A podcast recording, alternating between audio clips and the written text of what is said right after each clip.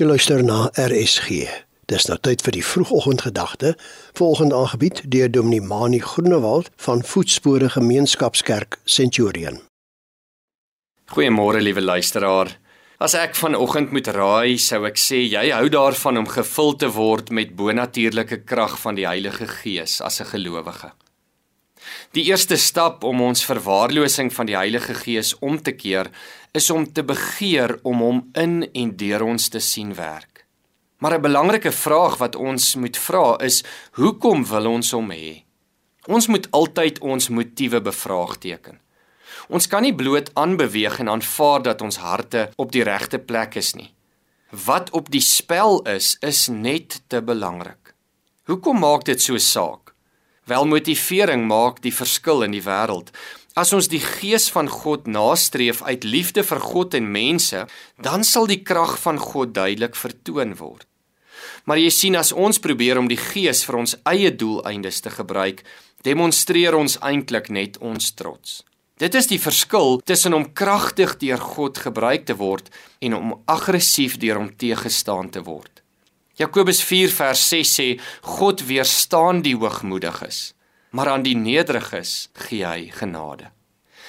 Petrus in Handelinge se brief het 'n sterk reaksie gewys rondom motiewe. Op 'n sekere vlak kan ons beïndruk wees deur die ou oor wie dit gaan hier in Handelinge, Simon die towenaar want hy sê vir die apostels dat hy regtig graag die krag van die Gees in sy lewe wil hê. Hy was selfs bereid om sy wêreldse besittings prys te gee, om geld te gee om die Heilige Gees te verkry. Maar Petrus het Simon se hart baie vinnig aangespreek.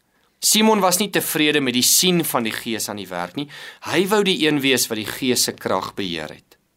Die feit dat jy die Gees aan die werk wil sien is belangrik, maar tensy jou hart op die regte plek is, behoort Petrus se teregwysing jou in jou spore te laat stop. So ek vra jou, hoekom wil jy die Heilige Gees hê? Jou antwoord maak regtig 'n groot verskil. Die Heilige Gees werk om God te verheerlik. Maar te dikwels is die mense wat die meeste oor die Gees praat, diegene wat al die eer ontvang. Hiervan is daar geen aanduiding in Jesus se woorde in Matteus 5 vers 16 nie. Luister mooi, hy sê: "Laat julle lig voor ander skyn, sodat hulle julle goeie werke kan sien en julle Vader wat in die hemel is, eer kan gee." Wanneer God werklik deur ons skyn, word die bonatuurlike duidelik gemanifesteer, maar God kry al die eer.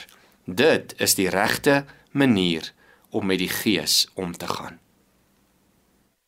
Dit was dan die vroegoggendgedagte hier op RSG, aangebied deur Dominee Mani Groenewald van Voetspore Gemeenskapskerk in Centurion.